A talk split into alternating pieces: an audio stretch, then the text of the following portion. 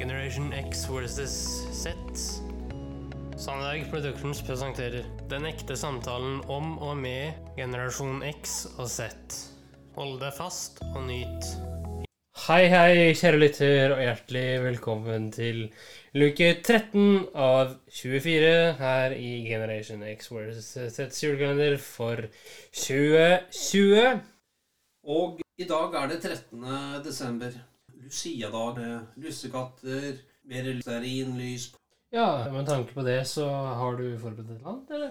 Før det må jeg fortelle en bitte liten uh, historie som jeg selv var vitne til, som jeg selv måtte bare gjøre. okay. uh, det var den 13. desember, og uh, jeg var på jobb Mhm. et sted i Oslo. Ved siden av meg så var det et eh, konferanserom med flere både interne og eksterne personer. Både direktører og advokater som diskuterte i vilden sky. Og så tenkte jeg på denne dag, 13. desember, så må vi jo gjøre noe som medfører eh, det menneskelige aspektet med det hele. Så gikk jeg ned i butikken like ved. Kjøpte selvfølgelig da store frusere. Kom opp på kontoret og tenkte med meg selv ja ja, de må få et avbrekk med disse møtene sine. Så jeg slokket alle lys, også på konferanserommet. Tente på flere flotte, store eh, frusere. Gikk pent og forsiktig inn døren, hvor noen merkelige fjes struttet mot meg. Men jeg gikk pent og rundt bordet, andektig, uten å si noe som helst. Og fruserne lyste opp rommet, gikk pent ut igjen og tente så på lyset. Så, Henrik, min kjære sønn, det Ja. skal ikke du gjøre overalt, men jeg hadde jo sett disse menneskene før, og de visste hvem jeg var. Ellers så hadde jeg ikke gjort det, Henrik. Men de lurte fælt på hva det var. Og svaret som min sjef ga til dem, ja, det er sånn vi har det her. Det er bare Per. Men det var en kort fortelling om 13. desember. Jeg har tenkt til å fortelle en annen historie som eh, ligger langt, langt tilbake i historien, Henrik. Mhm. Og dette er faktisk hvordan vi kanskje fikk julekalender. Ok. Eh, det blir eh, gøy å høre på. Flott. Det er faktisk en julefortelling fra Island. Og det har noe med 13. desember å gjøre. Kjør. Takk. Lucy langnatt, natten mellom 12. og 13. desember, markerer at mørketiden begynner. Over hele Norden har folk alltid visst at dette er både den farligste og den lengste natten i året. Men de forskjellige landene har hver sine skumlinger som lurer i mørket. På Island frykter de verken Lucy eller Åsgårdsreia denne kvelden, slik de gjør i Norge, men det er noen andre skumle karer som begynner å reke rundt gårdene på denne tiden. Det er julesvennene. De første kommer ned fra fjellene på lussenatten og blir stadig flere av dem. De henger rundt husene, ja, noen våger seg til og med ut i gatene i Reykjavik. Island har lange og gode tradisjoner for å skremme vettet av barna sine i julen. Så det kan hende ikke altfor overraskende at islendingene kan skilte med en hel storfamilie av troll til å gjøre barna utrygge i førjulstiden. Sagn og myter om dem går så langt tilbake som til 1100-tallet og norrøn tid.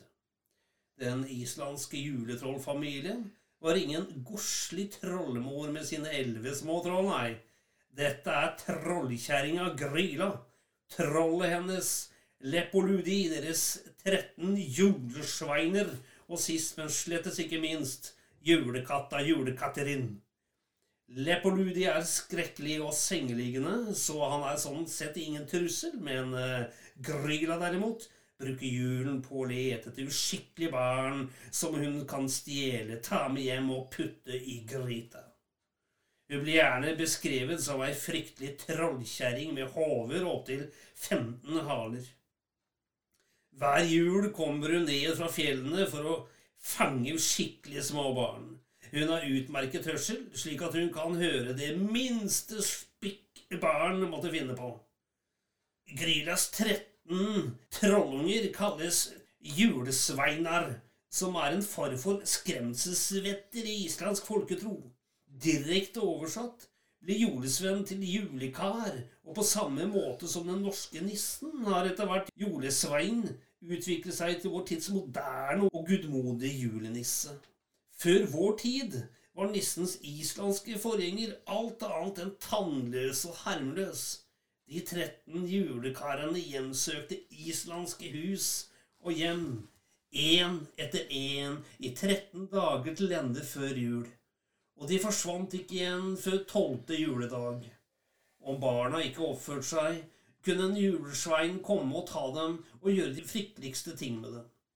Alle islandske barn visste at selv om de skulle klare å skjule rampestrekene fra foreldrene i julen, vil Grilja alltid høre dem og finne dem. Da la hun dem i sekken og tok dem med seg hjem. Men julekarene gjør også ugagn som til sammenligning er ganske så uskyldige. Hver julekar er oppkalt etter sitt spesielt felt innen rampestreker og snikeri. Jeg har lyst, Henrik, å bare gi deg et lite pekepinn, ok? Vær så god. Takk. Stekkjarstaur er den første julekaren, og han dukker opp 12. desember. Han kommer til gards for å forstyrre sauene og drikke melken av søyene, men av sine stive trebein blir det ofte upraktisk. Nestemann er Giljagaur, som på norsk blir noe sånn som Ravinefyren. Han er grå å se til og bor i en bergsprekk, altså en ravine. Han smyger seg ut av fjellsprekken og ned mot gårdene. Der gjemmer han seg i stallen og venter på at budeia snur seg vekk. Kanskje for å smile megesinnet til stalkaren. Så slurper han i seg melkeskummet i det ubevoktede øyeblikket. Og sånn fortsetter det, Henrik. Og slik fortsetter det med julesvennene som heter Askleiskeirir, Skyggarmur og Gliggargager osv. Dag etter dag fram mot jul plager det islandsk folk og fe. Noen slamrer i dører, andre stirrer inn i vinduer eller knabber spekepølser. På den annen side har du oppført deg ordentlig, vanker det i stedet gjerne noe godt fra julesvennene. I gamle dager kunne islandske barn sette en sko i vinduskarmene disse desemberdager, som julesvennene kunne legge noe godt i.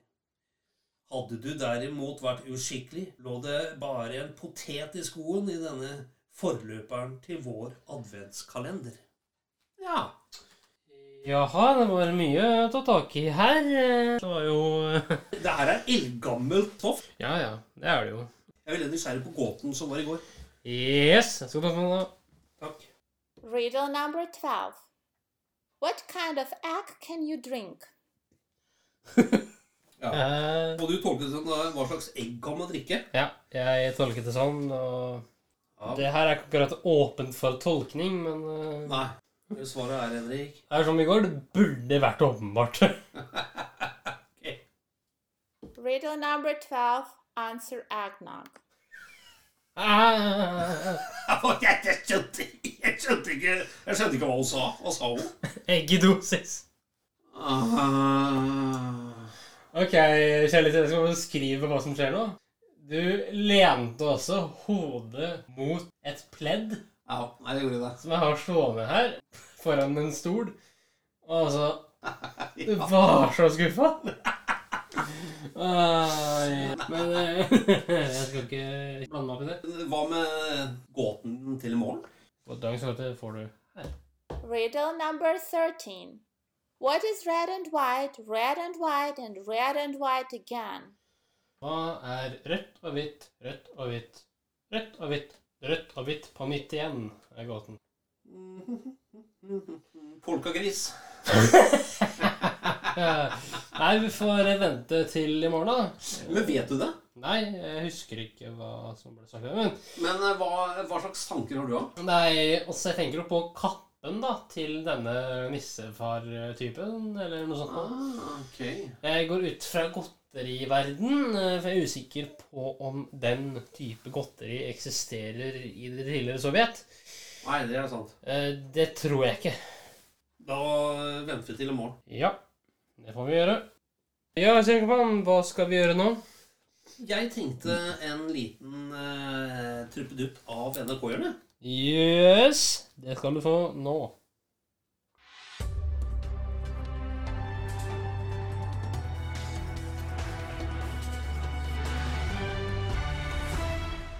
NRK-hjørnet.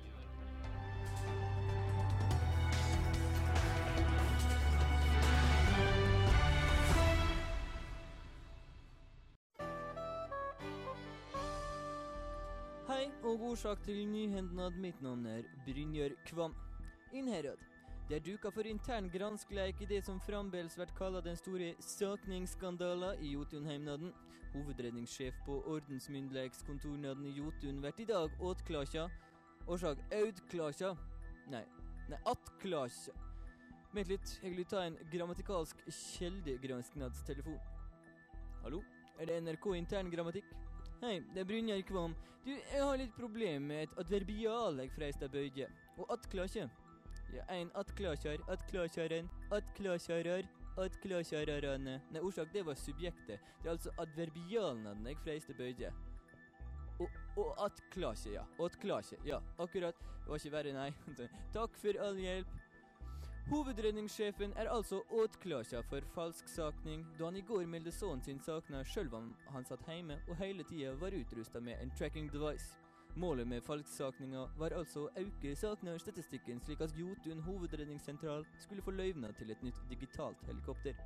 Vi ser svært alvorlig på åtklakja, sier politiet, og alt tyder på at mannen blir dødsdømt for falsksakninga. Nå utvortes. George Bush er død, 54 år gammel. Det sier pålitelige kilder i taxinæringa til Nyhende i dag. Den tidligere avdøde presidenten skal ha Du hører på Nyhendad, og mitt navn er Brynjar Kvam.